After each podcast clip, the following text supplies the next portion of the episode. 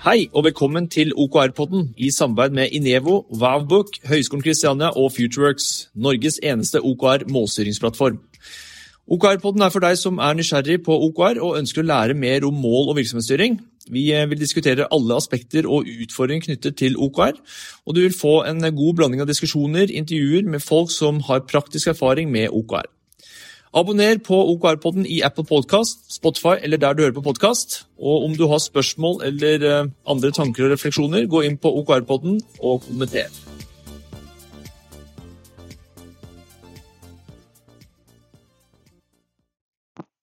Hei, alle sammen, og velkommen til del to av vår paneldebatt sammen med Smidepodden.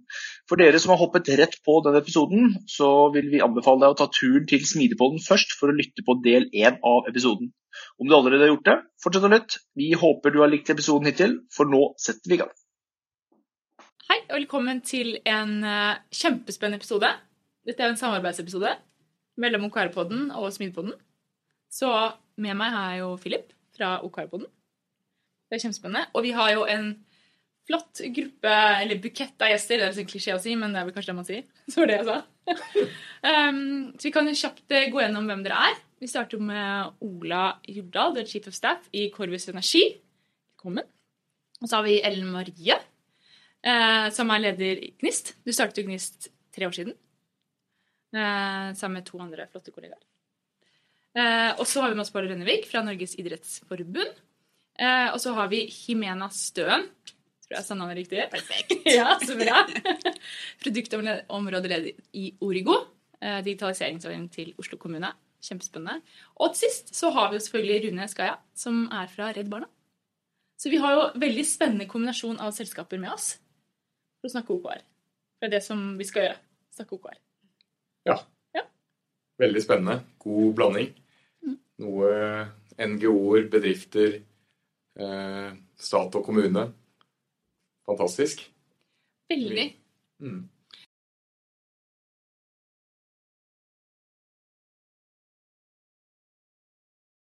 Og der tror, jeg, der tror jeg det du nevnte om eh, I en liten organisasjon så har du høy grad av transparens. Mm. Eh, jeg hørte Nicolai Tangen eh, snakke om eh, ledermøternotater i eh, en eh, Norges Bank Investment Hva heter det? Management Fund. og han sa at der legger de alle ledermøtenotater ut på intranettet. Eh, og den siden på intranettet er, det, er, den mest besøkte siden. Og der tenker jeg at eh, Det som jeg er fascinert av med OKR, er at eh, en av de grunnprinsippene er jo at ting skal være transparente. Og da tenker jeg liksom på f.eks.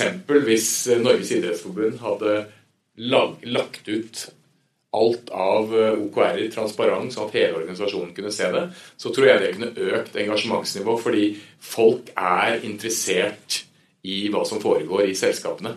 Og hvis man kan øke transparenten i norske selskaper, både veldedige organisasjoner og kommune og stat og alt sånt, så tror jeg vi kunne økt den 19% lite grann, i hvert fall. Men her er du inne på noe veldig spennende, for at åpenhet, eller transparens, det er åpenhet, eh, det eh, forsterker jo også tillit. Grad av tillit, ikke sant? Mm. Og disse to er jo, de er jo selvforsterkende hele tiden, disse to. Uh, og da tenker jeg på Jimena med Origo og hvordan dere har da produktteamet deres som eier målene deres. ikke sant? Tillit, åpenhet, uh, forsterker hverandre. Skaper også engasjement og eierskap. Mm. Det sånn jeg... Og, og det, jeg, jeg, får jo sjanse til å eksperimentere i klasserommet. Og, og det, det, er en sånn fascinerende effekt av når du sier til studenter at uh, ja, dere må sette deres egne ambisjonsnivå. Dere må sette sammen team basert på at dere prøver å finne folk som har samme ambisjonsnivå som dere, og så må dere dele med alle andre i klassen. Det fører til at eh, når folk i klassen ser at noen i klassen setter veldig høye mål, så, så utfordrer de hverandre, fordi det er ingen som har lyst til å sette lavere mål enn alle andre. Så man får en sånn kjempepositiv effekt ut av det. Det blir litt gruppepress over det, men et sunt gruppepress. Så det er ganske fascinerende, og det tror jeg man kunne fått uh... Blir det spist albuer, da? Hæ? Blir det spisse albuer? Ja, det kommer an på om det er liksom, hvordan tilliten i klasserommet er, og hvor høy grad av et nøkkelord igjen, da, psykologisk trygghet, ja, der. Hvor uh, man vil hverandre godt. Ja. Så. Men uh, apropos nivå. Jeg har et annet spørsmål om nivå. Nå har vi vært litt inne på USA. Eh, I USA så er det veldig vanlig å ha OKR på individnivå. Er det noen her som har valgt å gjøre det? Spennende, Maria. Kan Ja. du forklare Ja, det ja, funka Ja. ikke sånn kjempebra. Nei!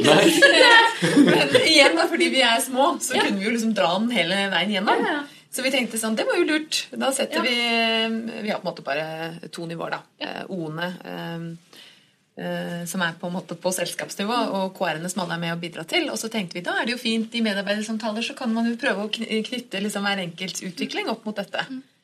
Nå er jo vi litt nerder på det, så alle var jo med på det og syntes det var litt gøy å teste ut.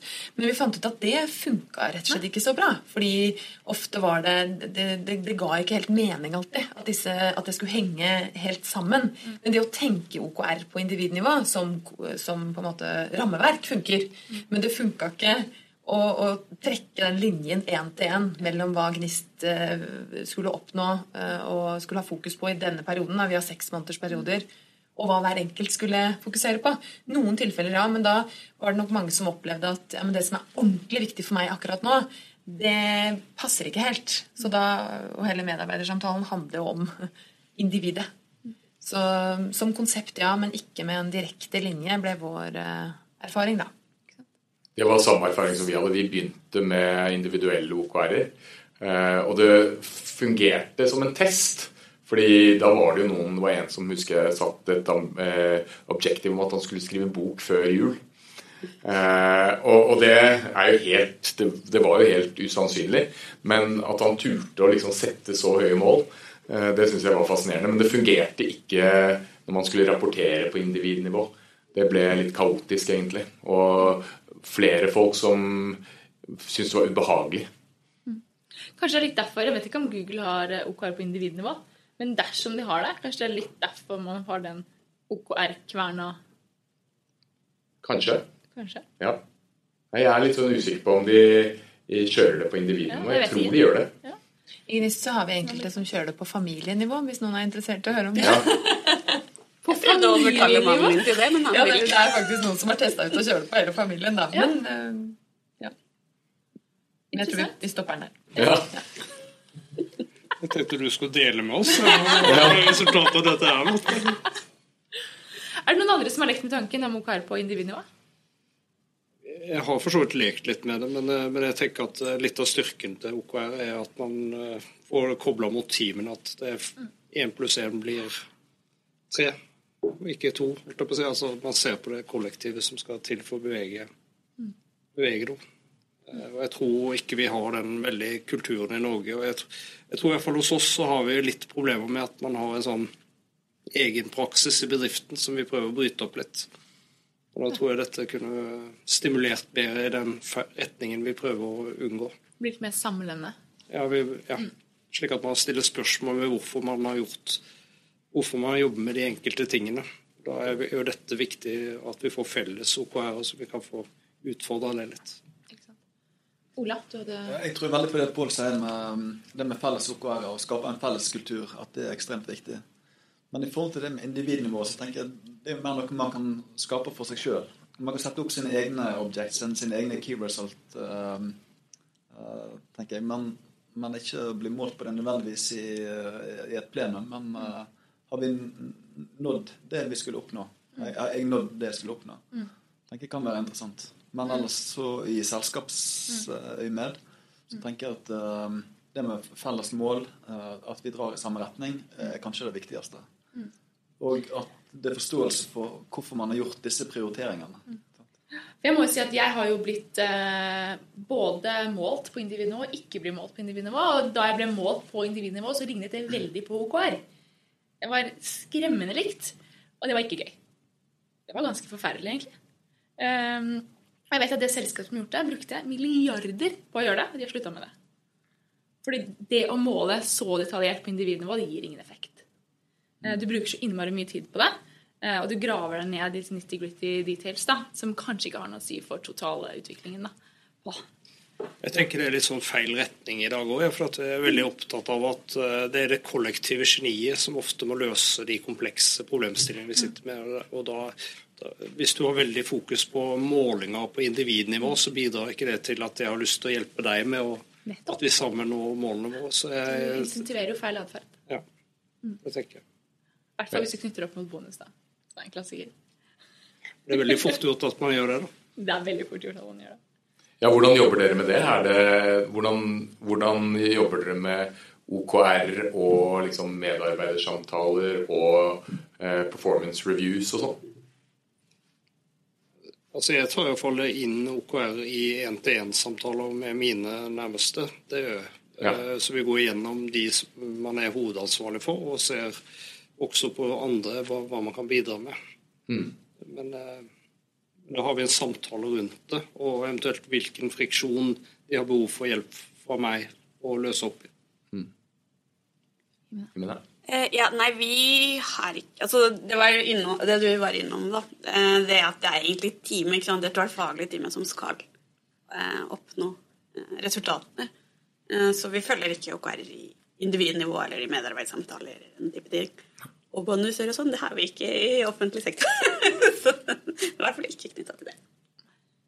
Det er, jo, det er jo et interessant uh, tema, akkurat det der. For det, man ser jo hos uh, noen av de kundene vi har jobbet med, da, spesielt i privat sektor, um, at uh, de tradisjonelle KPI-målene ofte slår beina under på OKR-satsingene. fordi at Så da må du enten Det der dette med å skille mellom business as usual-kopier eller helsemetrikker og OKR-ene har vært litt sånn revolusjonerende for mitt hode. Fordi du må ha I enkelte miljøer og enkelte selskaper så er du nødt til å ha noen av disse kopiene. Og at de kan få lov til å Men da må vi bare snakke om det. ikke sant? At dette er eh, noen kopier vi har, og så har vi disse forandringsmålene. Og hvis du har bonusmål som går på tvers av OKR-ene du har satt, så kommer du jo ikke langt. Da må man jo faktisk tørre å snakke om det, og fjerne dem, da. Jeg synes Det du er inne på nå, er kjempespennende. Det at du har kopier, kopier som kan leve i harmoni med OKR-er. For det er veldig mange som tror at du må ha enten-eller. Ikke sant? Um, er det noen andre som har noen gode erfaringer med å bruke begge deler? Vi, nå må jeg ut. Beklager. Eh, Vi bruker begge deler. Men det er jo en sånn reise. ikke sant? Det har vært en reise vi har vært gjennom. Jeg tror å sette gode nøkkelresultater er supervanskelig før du har gode metrics. Altså Når du har gode metrics, er det mye enklere. Eh, og kopier er jo en del av det å ha metrics. ikke sant? Eh, men så er det en aner, er anerkjennelse om at outcome measures det er jo egentlig det du vil fange på OKR-ene. Eh, og det at de kan gå hånd i hånd. ikke sant? Og når du har hatt kopier som har eksistert en stund, det er jo først når du ser at de går feil vei, at de kan bli en del av OKR-ene. Da setter du om at og vi skal flytte den for eksempel eh, hvor mange innbyggere er fornøyd med tjenesten. At du skal flytte den oppover hvis du ser at det går en feil vei, men ellers så følger du ikke med på den for, inntil det på en måte slår til. Jeg tenker litt, eh, Vi er litt inne på en helhetlig organisasjonsstyring eller virksomhetsstyring som vi snakker om her. også, da. og da tenker jeg at Det å få fra strategien, få kopier som man monitorerer, og så bruker man OKR-er der hvor man har ambisjon, det er ganske viktig. Og så får man med KRI-er i tillegg da, for å få de viktigste risikofaktorene. Eh, Og i en financial dimensjon så begynner man å få en helhetlig virksomhetsstyring som, som jeg tror på at OKR altså Som kan gjøre at man får et, et større fokus på at OKR brukes på de viktigste tingene, mens det er en del andre ting vi monitorerer ved siden av. Eh, og at man da bruker OKR-er der hvor man har en KPI med ambisjon, da, så man har, må gjøre noen løft. Jeg tror- du får litt slagside før du tenker en helhet rundt dette, og da får du veldig fort en diskusjon om at man må ha noe mer i forhold til målstyring. Inni hodet så ser jeg ut som en pyramide da, når vi har snakka om det i det siste. Sant, Du har Matrix, og alt av Matrix-kopier er også Matrix. Og eh, key results er også Matrix. Eh, og så er det, Noen av de er viktigere for å si noe om ytelse. De blir kopier. De er også Matrix. Eh, noen av de igjen blir, har enda viktigere å si noe om hva du skal oppnå, effekten. Det er de som blir key results da. Eh, hos som pyramide. Jeg lurer litt på um, Vi har vært litt inne på det. på alle de nevnte med disse sekunderingene. Hvordan er det dere følger opp OKR i hverdagen deres? Det blir noe Sola. Ja, det kan vi. Eh, Vi har akkurat begynt med OKR, som jeg sa, men eh, vi tar det i ledergruppa på 14. dag. Og har med oss eh, OKR-coach, eller Kim som er med oss, og kjører oss veldig på om vi har oppnådd eh, resultatene for perioden. Eh, Jeg si jeg likte veldig godt den eh, sekundering som dere bruker, for det er jo egentlig det det um, du heier på hverandre, og hvordan eh, ligger vi i forhold til der vi skulle vært. Så det er egentlig eh, å få den metodikken godt innarbeid blir viktig for oss. Men som sagt, vi er ganske uh, nye i dette, så om et år kan jeg sikkert si mye mer hvordan vi lykkes med det eller ikke. Hvor, hvor lenge holder dere på i et sånt møte? Vi bruker en halvtime. Ja. Da vi kjører gjennom fire Marie? Ja, jeg tenkte på flere ting. Eh, Det vi ser eh, Jeg likte ordet sekundering. Vi, vi snakker jo, bruker ofte ordet coaching, og ser at selv på dette området her, så er det behov for å ha noen tett på. Da. Så vi har kunder som bruker ordet gevinstcoach, eh, datafyrtårn? Som, som er til stede i produktområdene eller teamene og faktisk jobber aktivt med å hjelpe til å sette gode mål, som faktisk fokuserer på outcome, ikke output, og som også hjelper til i målingen. da. Så det er det jeg tror, det er kanskje noe av, Hvis man skal ta med seg noe da, når man hører snakk om OKR, så er det det her med at du kommer aldri til å treffe første gang. Og at det krever masse læring og tilpasning. For mange gir opp og tenker at dette funker jo ikke. Før de egentlig har kommet ordentlig i gang. da. Hvordan er det dere sekunderer? Eh, I Gnist? Ja. Eh, altså i, I Gnist så har vi jo, hvis du tenker på hvordan vi styrer selskapet, så er vi igjen en liten gjeng, da, så det er jo lettere. Men jeg skriver jo ukentlig om det. Eh, og så har vi på en måte definert på alle KR-ene våre hvordan de skal måles, om det er hjelp av undersøkelse eller analytics eller tellinger. Og så skriver vi litt om det hver uke. Men hos eh, kundene våre så er det mer denne, så har vi vært med på denne mer sånn coaching-tilnærmingen til det. da, Hvor du jobber med det kontinuerlig eh, sammen med teamene eller produktområdene. Ja, altså Vi driver jo sekundering på litt forskjellig nivå. Altså Jeg har jo min ledergruppe. Den eh, kjører jeg nå ren digitalt. Det har jeg ikke sagt. Til å begynne med så hadde vi fysiske møter hvor Kim også var med og sekunderte oss. Men eh, nå deler vi good news og for så vidt de viktigste tingene vi skal gjøre neste uke. Og, og en gjennomgang av forrige uke eh, sammen. Det gjør vi kun digitalt for ledergruppen. Mens for de enkelte teamene der hvor the magic happens, så har vi en av oss i ledergruppen som er med på møtene og, og sekunderer. Vi prøver å holde oss litt som tause Birgitte i bakgrunnen, men, men, men går da inn hvis vi ser at ikke teamet klarer å sekundere seg selv. Hvordan sekunderer Birgitte i Redd Barna? Ja. Fra det ene til det andre, ja. Hun er ikke Tause-Birgitte.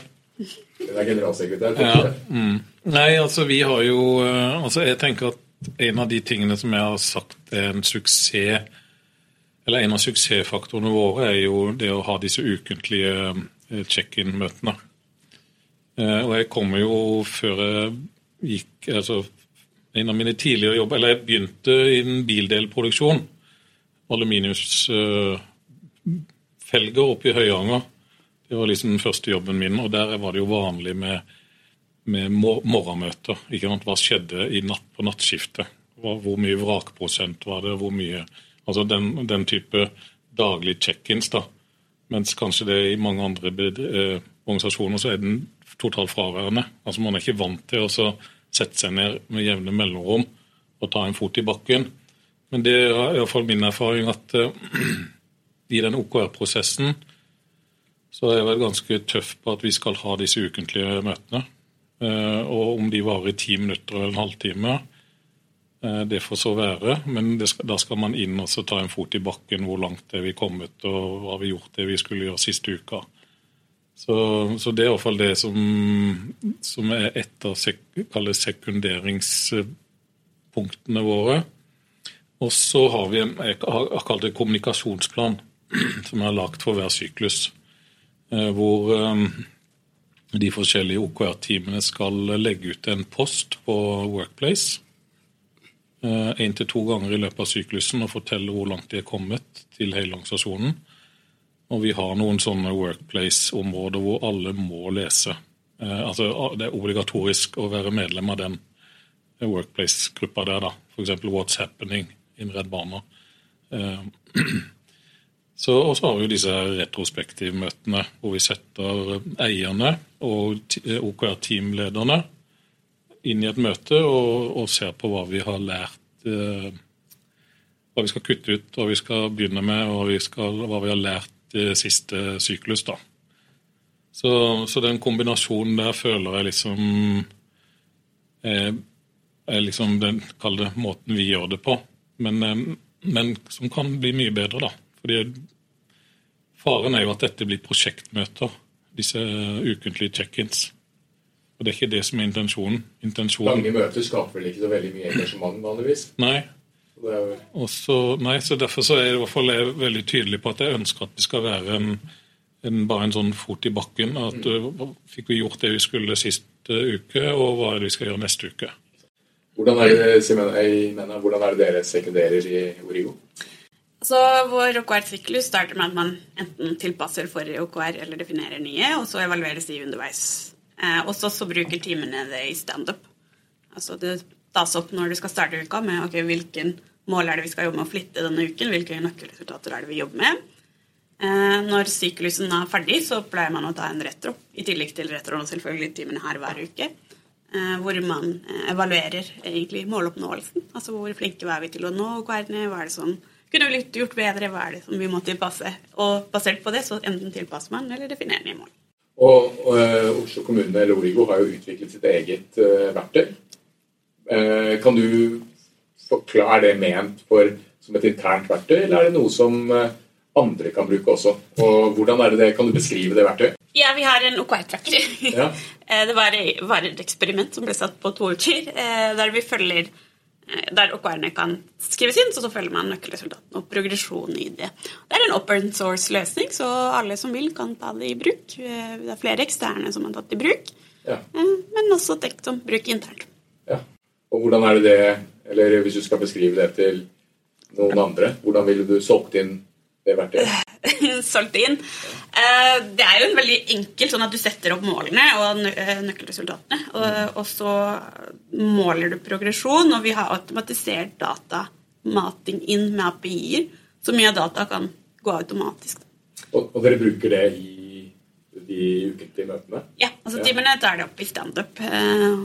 Så alle teamene bruker det, eller er det bare noen få av teamene som bruker det? Nei, jeg så nettopp på Google Analytics for OKR. Ja. og jeg tror det er ganske mange av teamene som bruker det. Uh, ja, men jeg tør ikke si sånn prosent, for det er så detaljert var ikke dataene jeg fikk. Men, uh, men, det er jo en del av det at de, det skal være til nyttig da, for, for, når de står i, og skal definere hva de skal jobbe med i løpet av uka. Er det flere som bruker Dietic for OKR? Ja, vi bruker FutureWorks. Ja. Ola? Vi har fått eh, implementert FutureWorks. Så, ja. ja, vi gjør Ja, vi bruker FutureWorks. Jeg gjorde en sjekk da med de 10-20 av våre kunder. Eh, der var det en miks av Miro, Excel, Powerpoint eh, Perdot var det noen som brukte. Perdu. Ja. Det var vel Så ingen mer at man har tatt i bruk eksisterende verktøy, da. Det er jo noe vi ser, for eh, det var det jeg var innom litt innledningsvis, at fordi dette handler om en ganske annen måte å jobbe på, eh, så er det noe med at du må, få, du må få på plass den måten å jobbe på, er vår erfaring, da. Eh, før du kan begynne å liksom velge verktøy. Mm. Fordi Ellers så får du ikke effekten du vil ha ut av verktøyet. Det er vel det vi ofte snakker om når vi sier når vi snakker om IT. da. Det er ikke Runes helt enig i, for jeg tror at verktøyet veldig ofte må til for å disrupte litt. og Vi var opptatt av transparens i sted. Det å kunne synliggjøre egentlig OKR før du har blitt helt fullkommen på det, tror jeg er viktig eh, på tvers. For da får du også den litt gode friksjonen rundt det. Så Min erfaring med målstyring er at eh, det er ofte viktig å ha et verktøy, verktøyimplementering parallelt med at man går for et nytt metodeverk. da. Ola? Jeg er enig med deg, Pål. For um, når vi implementerer OKR nå i organisasjonen, så er det viktig for oss at vi har et, uh, har et verktøy som vi bruker. Vi prøvde oss litt sjøl i vår og skulle starte med OKR og lage dette til på egen måte. Og skjønte veldig fort at um, det ble for tidkrevende for oss, og det ble veldig lett at vi, at vi skled ut. Så det å ha et verktøy der vi fyller inn i, og som du på en måte er ansvarlig for at er oppdatert til, til check-ins, det, tror jeg også er med å sikre eierskap til OKR.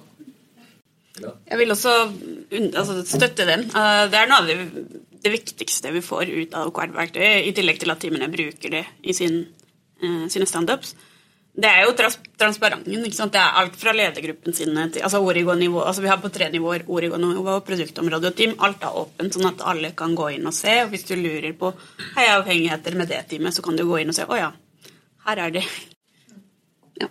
Jeg tror du er inne på det der. Eh, eh, hvis man har kommet såpass langt, hvis man faktisk har OKR på flere nivåer i organisasjonen, eh, det å skape den, sikre den røde tråden og den sikkerheten som du er inne på, det blir jo virkelig enabled gjennom et verktøy. Men hvis man kanskje hvis det er Hvor mange er det nå? med det 20? Ja, nei, Gris, det er nok ikke aktuelt uansett. Da. Nå tenkte jeg mer på vegne av kundene våre, da. Ja, for da vil man jo, eh, hvis man er en litt mindre organisasjon, så vil man jo som utgangspunkt ha et helt annet eierskap til de effektene du skal skape. skape. Jeg jeg er enig med egentlig alle her, fordi det er jo litt sånn situasjonsavhengig. Men eh, hvis man skal introdusere noe nytt, sånn som i klasserommet, så hvis jeg hadde sagt til dem bruk hvilke verktøy dere ville, så hadde de da bare blitt kaos.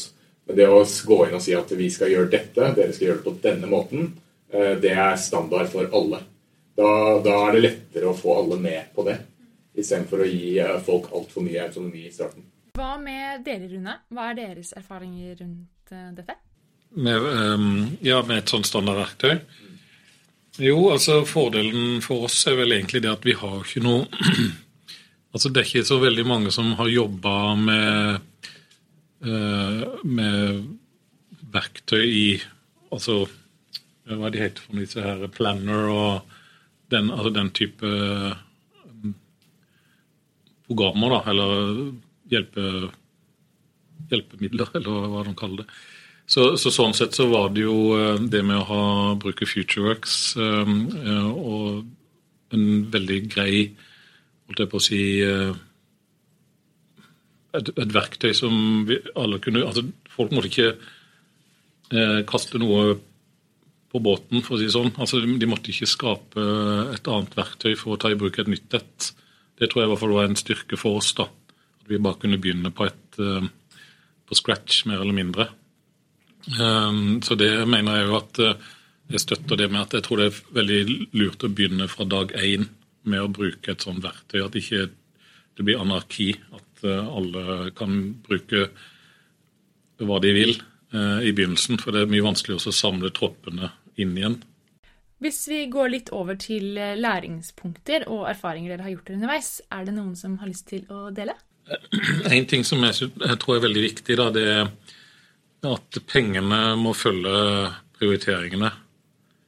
Um, hadde ikke vi satt av altså budsjettmidler eh, i 2022 til eh, OKR-aktiviteter, for å si sånn, da, eller som kunne, som kunne være med å supportere det vi kom fram til i OKR, så hadde vi sannsynligvis ikke lykkes så bra som vi har gjort på enkelte områder.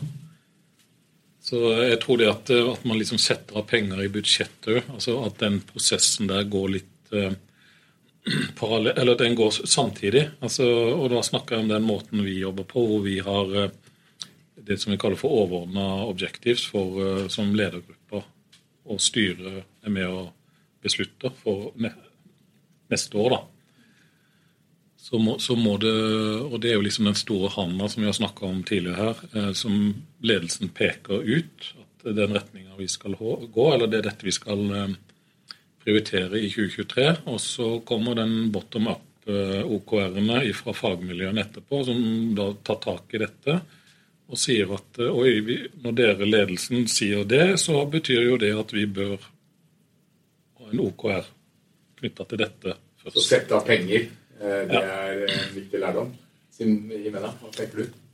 Lærdom? Lærdom. Eh, hvis jeg skulle trukket eh, ting jeg er veldig glad for at vi lærte, og vi gjorde, eh, det var den Det å hele tiden få feedback på prosessen og tilpasse den.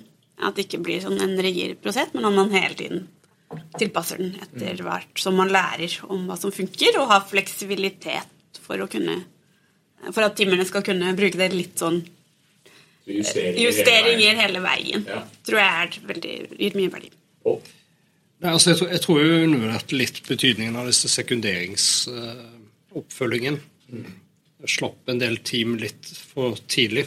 Ja. Og trodde at de skulle bli selvgående, kunne greie dette uten at vi fulgte det tett opp. Og det ville jeg nok gjort litt annerledes. Man ønsker vel å skape en vane, Ja. og sekundering er jo kanskje en god vane. Ja. Marie? En av de eh, læringene som vi ser mest av, eh, det er eh, det å ikke ha for mange ord. At man må klare å begrense seg, og helst ikke mer enn tre av gangen. Hva mener du da? Kan du utdype? Nei, at når, som Hvis man starter på toppledergruppa, da har man jo ofte lyst til å gjøre alt på en gang. Ref at det skal gi prioritering og retning. Og hvis man starter med for mye, så får man ikke gjennomført noen ting. Og så ser vi også eh, faktisk innimellom at man ikke eh, knagger opp eh, kårer opp mot O-ene. Fordi man egentlig ikke har så lyst at det skal være så målbart. At det er lettere å forholde seg til litt mer fluffy statements da, enn enn, eh, det å faktisk snakke noe om ok, men hvordan er det vi skal oppnå dette her. Lærdommer. Lærdommer. Vår del er det iallfall det å kunne prioritere nok tid til å implementere det på en god måte. Og Det har kanskje vært det som har vært mest utfordrende. For det, det virker så enkelt med eh, OKR.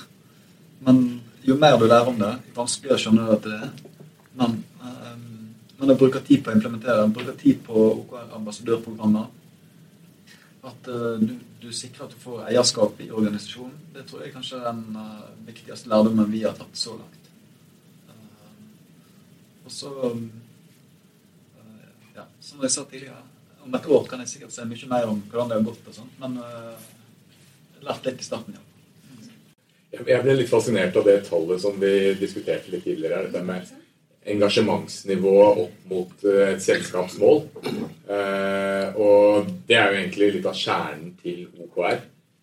Ifølge den Harvard Business Review-artikkelen og hele OKR-tankeprosessen. At man ønsker å øke engasjementsnivået i bedriften, fordi da blir resultatene bedre.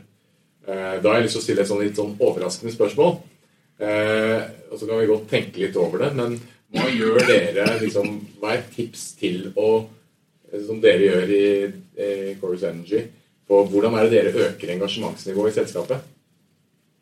I Corvus har vi jo kjempeengasjerte medarbeidere. Vi har jo en uh, Ja, Hvordan måler dere det? Vi har en mission om powering a clean future. Så vi, Ja. vi, må, vi har medarbeiderundersøkelser tre ganger i året. Ja. Og, og sjekker engasjementet og ser uh, hvor engasjert folk er. Men veldig mange av de som jobber i vårt selskap, jobber der fordi at de har ønske om å jobbe i uh, grønn industri. Mening? Selskap med eller Ja. mening? Sånt, uh, og jeg tror nok Vi, vi snakket om eh, 19% og jeg tror nok at det er høyere i, i dette selskapet.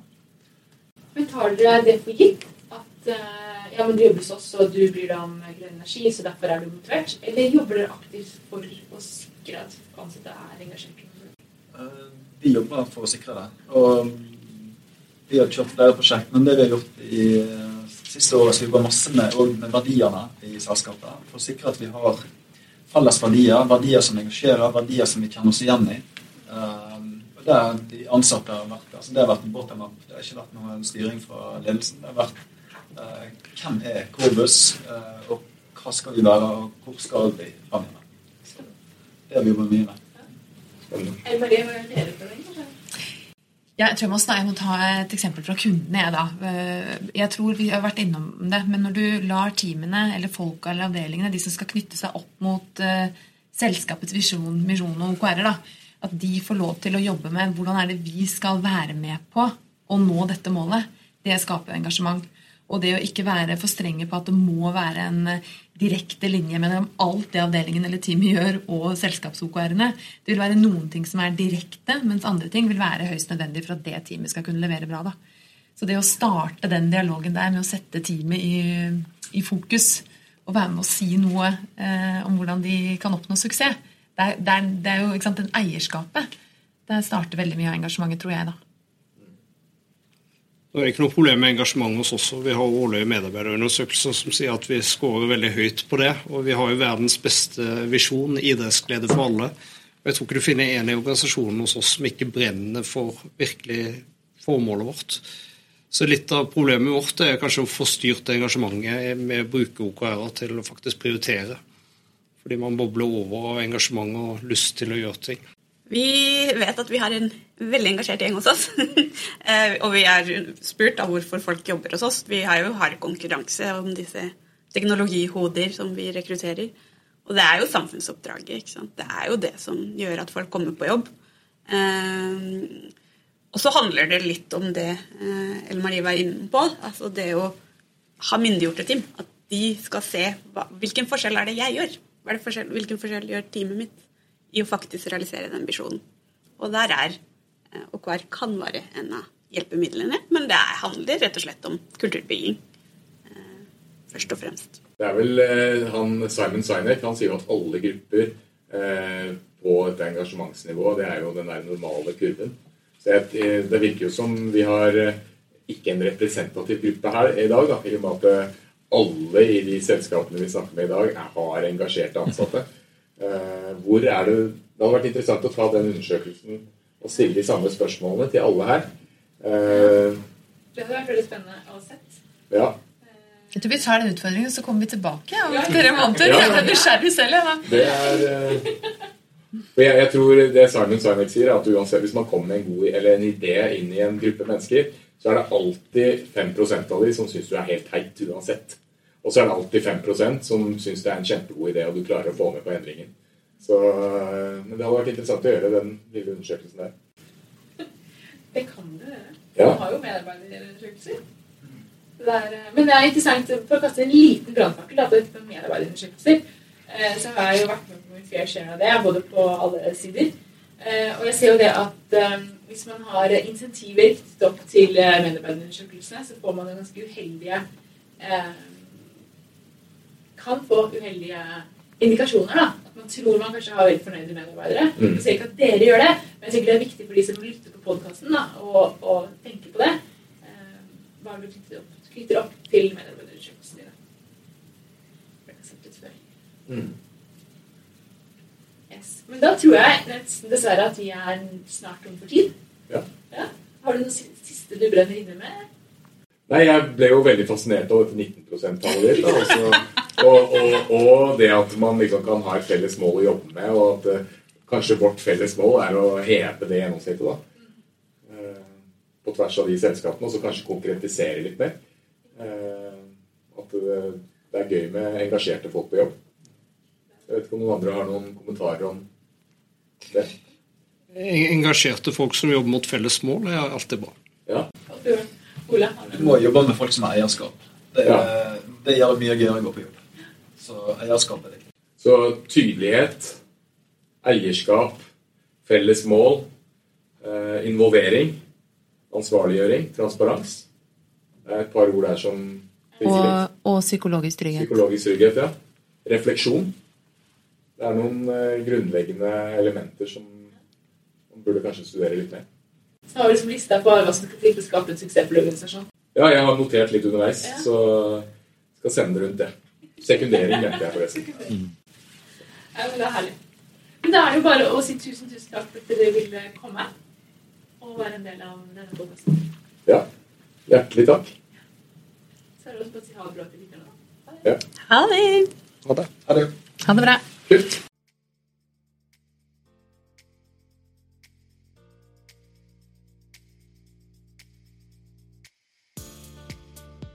OKR-podden er gjort mulig av Inevo, Vavbook og Futureworks, Norges eneste OKR-plattform som hjelper deg med å sette fart på innovasjon, utvikling og vekst.